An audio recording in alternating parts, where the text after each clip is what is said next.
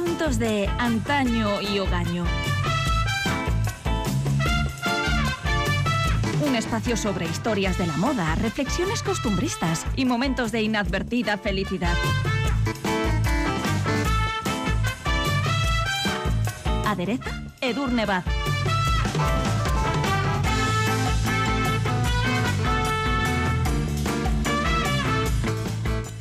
En nuestro anterior episodio dedicado a asuntos librescos de antaño y hogaño, hablamos del papel que en la historia ha tenido la quema masiva de libros como instrumento de represión de las ideas disidentes, como la valiosísima herramienta para la transformación de ideas y conocimientos que son, los libros han sido objeto con frecuencia de la censura y su supervivencia ha dependido en gran medida de las luchas políticas e ideológicas. Se han enfrentado a diferentes formas de destrucción, algunas naturales, resultado de la acción de insectos o roedores, de la humedad, de desastres naturales, de incendios accidentales o, por supuesto, de los conflictos bélicos. Pero también a formas de destrucción totalmente intencionadas, que tradicionalmente se han materializado en saqueos o públicas hogueras. Edurne Bad, ¿qué tal? ¿Cómo estás? Hola, muy bien. Los totalitarismos y fanatismos políticos o religiosos han estado históricamente detrás de la vigilancia de los censores, que en la más expeditiva de las formas de censura ha derivado en demasiadas ocasiones en la quema masiva de libros. Sí, por desgracia no nos faltan, como apuntábamos en el anterior episodio, los ejemplos, algunos de ellos escalofriantemente recientes. Citábamos la destrucción de la legendaria Biblioteca de Alejandría o de la Biblioteca Imperial de Constantinopla, la obsesión destructora del emperador chino Xi los desmanes de la Inquisición, la destrucción de las colecciones del Templo del Sol en Cuzco, de todos los códices aztecas de México o de los libros mayas en Mesoamérica, la conocida como Hoguera de las Vanidades, que a finales del siglo XV destruyó en Florencia libros y obras artísticas por ser considerados inmorales, la quema pública de manuscritos de la Biblioteca Nazari de Granada, la destrucción franquista de libros durante la Guerra Civil y la posguerra españolas, la destrucción de la Biblioteca Nacional de Bosnia-Herzegovina en Sarajevo en el año 92, el saqueo y destrucción de la Biblioteca Nacional de Bagdad en 2003 o los alrededor de 8.000 libros que en 2015 quemó el grupo terrorista Estado Islámico, entre otros muchos ejemplos. Pero al hablar de la quema masiva de libros, lo primero que suele venirnos a la mente es el caso de la Alemania nazi, la purga, mediante las llamas de libros considerados indeseables, principalmente de autores judíos, pero también de comunistas o de homosexuales, que tuvo lugar en diferentes momentos y ciudades alemanas y de forma especialmente notable en Berlín el 10 de mayo de 1900 1933 en un acto organizado por la Unión Estudiantil Nacional Socialista y presidido, como no, por el ministro de propaganda nazi Joseph Goebbels. En 2021, Richard Ovenden, que es director de la Biblioteca Bodleiana de Oxford, publicó un interesantísimo ensayo titulado Quemar libros, una historia de la destrucción deliberada del conocimiento, y tomando como punto de partida la quema de libros por parte de los nazis en 1933, este autor acompaña al lector en un viaje de 3.000 años a través de la destrucción del conocimiento y también de la lucha por preservarlo. Los libros judíos, explica él, no solo fueron destruidos públicamente en numerosas ocasiones, sino que fueron objeto de actos deliberados de robo y confiscación en un intento por analizar y comprender la cultura que los nazis trataban precisamente de erradicar. Junto con esta destrucción masiva de libros, hubo también actos de conservación por parte de comunidades e individuos que arriesgaron sus vidas y a veces las perdieron por salvar la forma física más importante de su cultura, ¿no? que es el libro. Ovenden dedica todo un capítulo a los hombres y mujeres que en el gueto de Vilna formaron parte de la que fue bautizada como la Brigada del Papel. Valerosas personas que salvaron libros, documentos y tesoros culturales judíos, primero de los nazis y más tarde también de los soviéticos. Hoy, en Asuntos de Antaño y Ogaño, una heroica historia de resistencia cultural.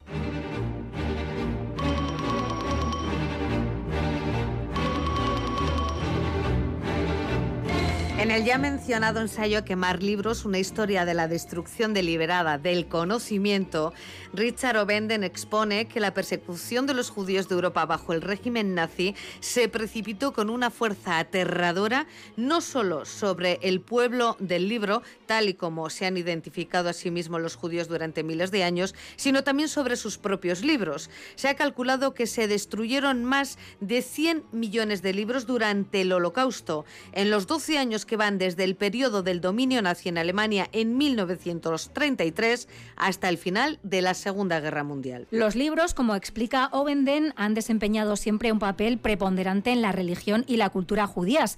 La verdadera riqueza de los judíos, afirma el autor, se medía tradicionalmente en libros y prestarlos era para ellos un acto de caridad. Así de importantes eran. Si las quemas de volúmenes acontecidas en mayo de 1933 tardaron cierto tiempo en intensificarse, fue en parte, argumenta Ovenden, debido a la reacción internacional negativa frente a ellas. Pero a partir de la conocida como Noche de los Cristales Rotos, en 1938, se intensificó el proceso de búsqueda, selección, confiscación y destrucción de archivos del conocimiento. En el verano de 1941, Hitler comenzó la invasión de Rusia a través de la conocida como Operación Barbarroja. En los primeros días tomó Vilna, actual capital de Lituania, y allí los judíos fueron perseguidos seguidos sin piedad, al igual que en el resto de territorios bajo el yugo del Tercer Reich. Una vez controlada Vilna, los alemanes enviaron a un grupo de operaciones de la División Especial Nazi que se dedicaba a incautar y, si así lo consideraban, destruir los bienes culturales de las zonas que iban conquistando.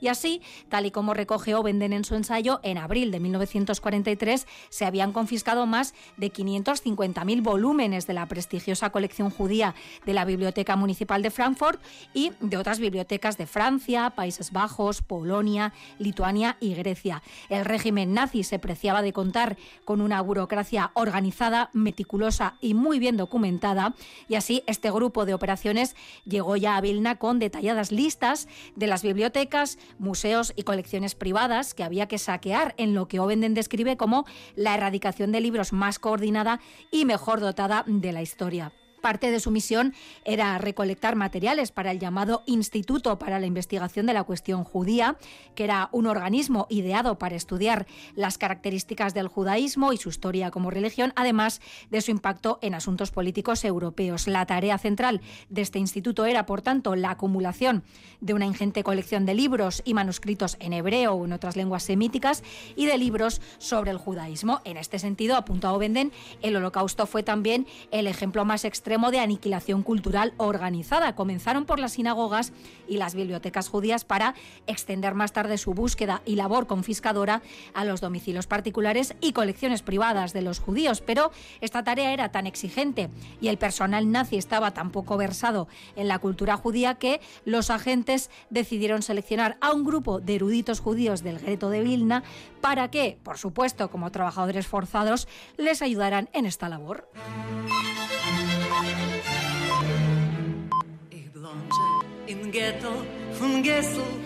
12 eruditos judíos que acabarían siendo bautizados por los guardias del gueto de Vilna como la Brigada del Papel.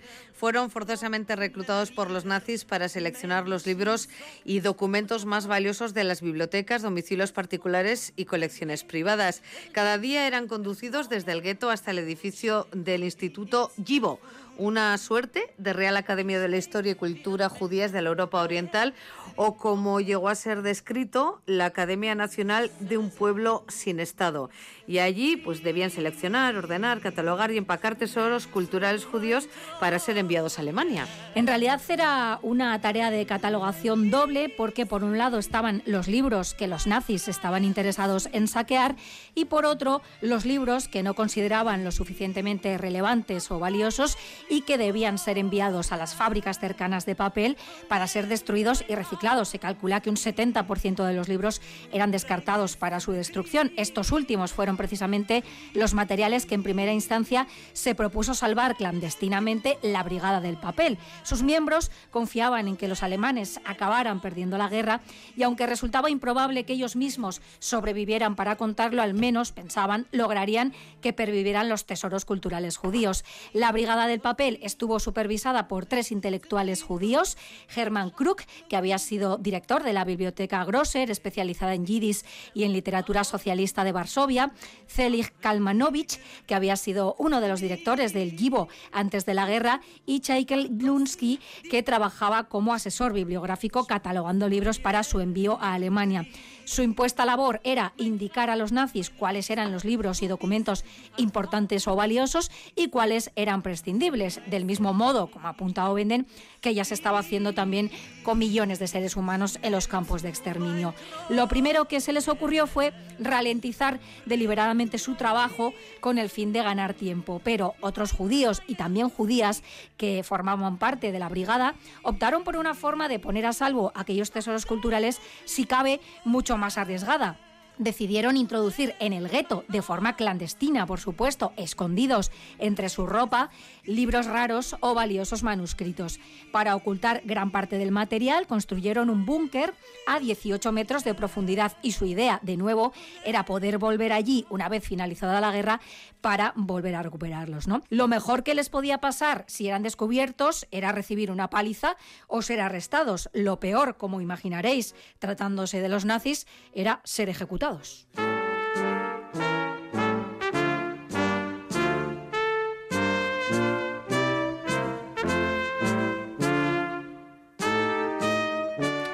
Los miembros de la Brigada del Papel fueron desarrollando diferentes estrategias para llevar a cabo su objetivo, que no era otro que salvar el mayor número de libros y de documentos posible. Por ejemplo, aprovecharon la circunstancia de que algunos de ellos, especialmente los responsables de la brigada, entraban y salían cada día del gueto.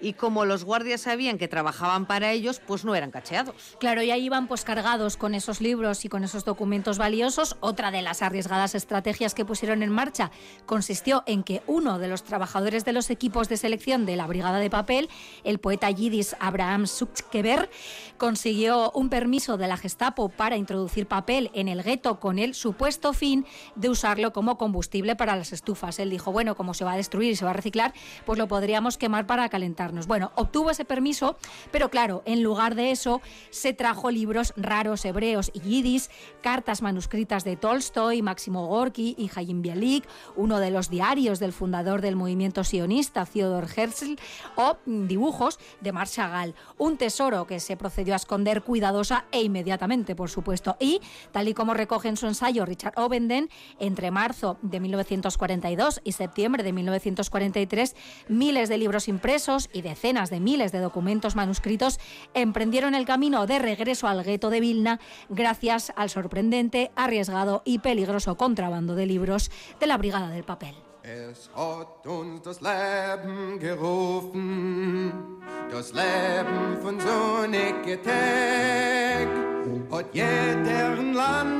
munter ¿Y qué fue, Durne, de estos valerosos hombres y mujeres? Porque una vez liquidado brutalmente el gueto de Vilna, pues corrieron diferentes suertes. Pues algunos fueron asesinados en la masacre de Ponar, un lugar de exterminio masivo ubicado a 10 kilómetros de Vilna. Otros fueron enviados a campos de exterminio, de los que la mayoría jamás regresó. Y un tercer grupo se unió a los partisanos para luchar contra los nazis en los bosques. Uno de ellos fue, por ejemplo, Smerke Kakserginsky, que era un poeta, compositor y activista de corte radical que durante los primeros meses de la ocupación alemana había logrado sobrevivir fingiendo ser un mendigo sordomudo para que no captaran en él su acento y no lo enviaran al gueto. Pero fue descubierto y enviado efectivamente al gueto de Vilna a principios de 1942. Allí formó parte como organizador cultural en la producción de obras de teatro, eventos literarios y programas educativos. Incluso se casó, aunque su esposa murió en 1943. Participó en la introducción clandestina de libros en el gueto y en 1944, tras la liberación por parte de las tropas soviéticas, comenzó a localizar y rescatar libros judíos, objetos de arte y otros bienes culturales y tras fundar junto a otros compañeros un museo judío allí mismo en Vilna, dedicó su vida a la divulgación de la cultura yidis como compositor de canciones, conferenciante o escritor, hasta que murió en 1954 en un accidente de aviación.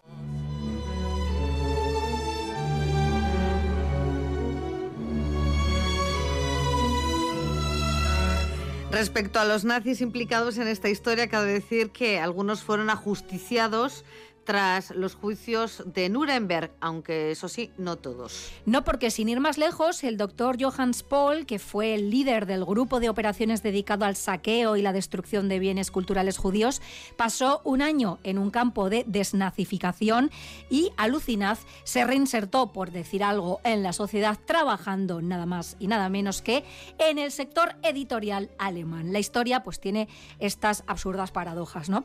Finalizada la contienda, los supervivientes volvieron a Vilna para descubrir que el 90% de la comunidad judía había sido asesinada, pero también descubrieron que gran parte del material cultural que habían escondido en el gueto seguía allí.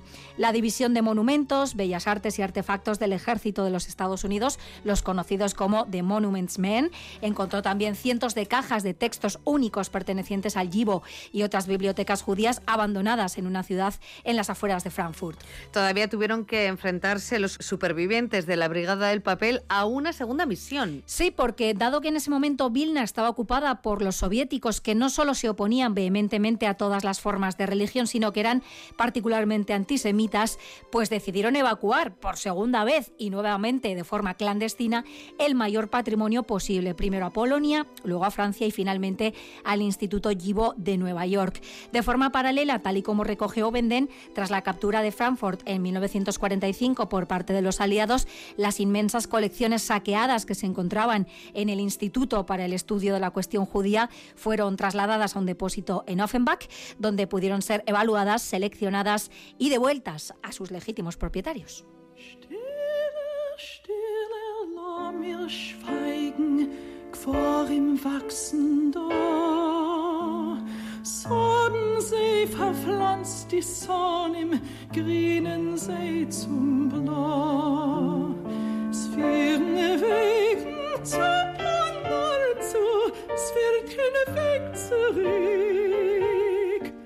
La gesta de la Brigada del Papel tuvo algunos equivalentes en otros lugares, como más tarde se descubrió.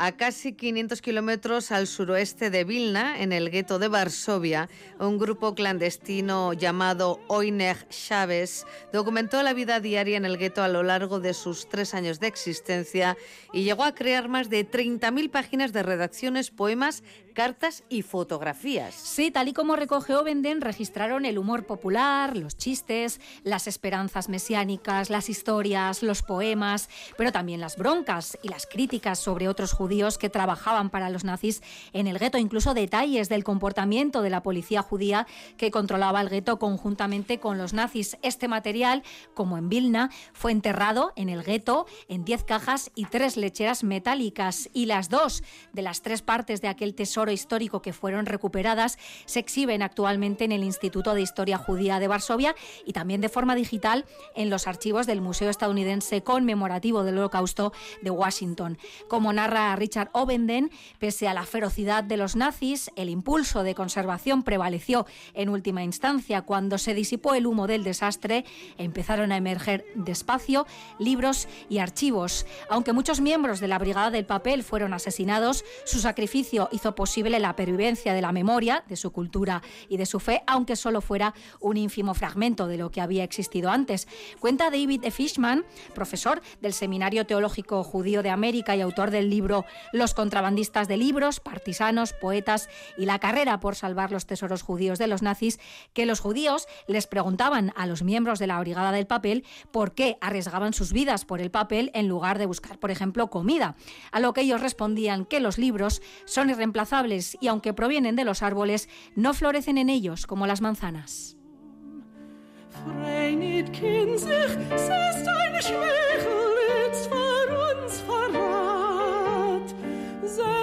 Frühling soll der Säune wie in Herbst ablatt. Soll der Qual sich ruhig fließen, still er sei und hoff.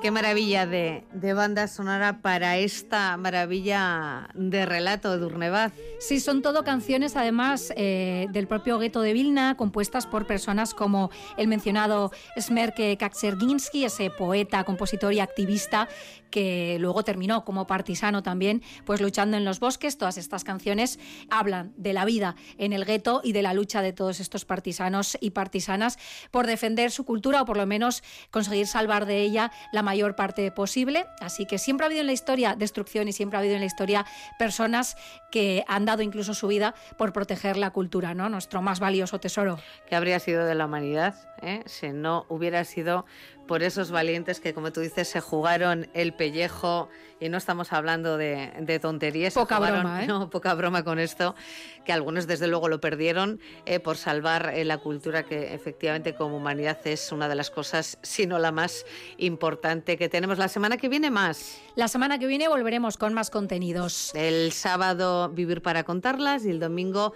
Asuntos de antaño y hogaño. Exactamente, aquí estaremos contando pues más historias y conociendo a otra mujer fascinante seguramente. que sí. Estaremos muy atentos. Edurne, hasta la semana que viene y muchísimas gracias. A vosotros, Agur.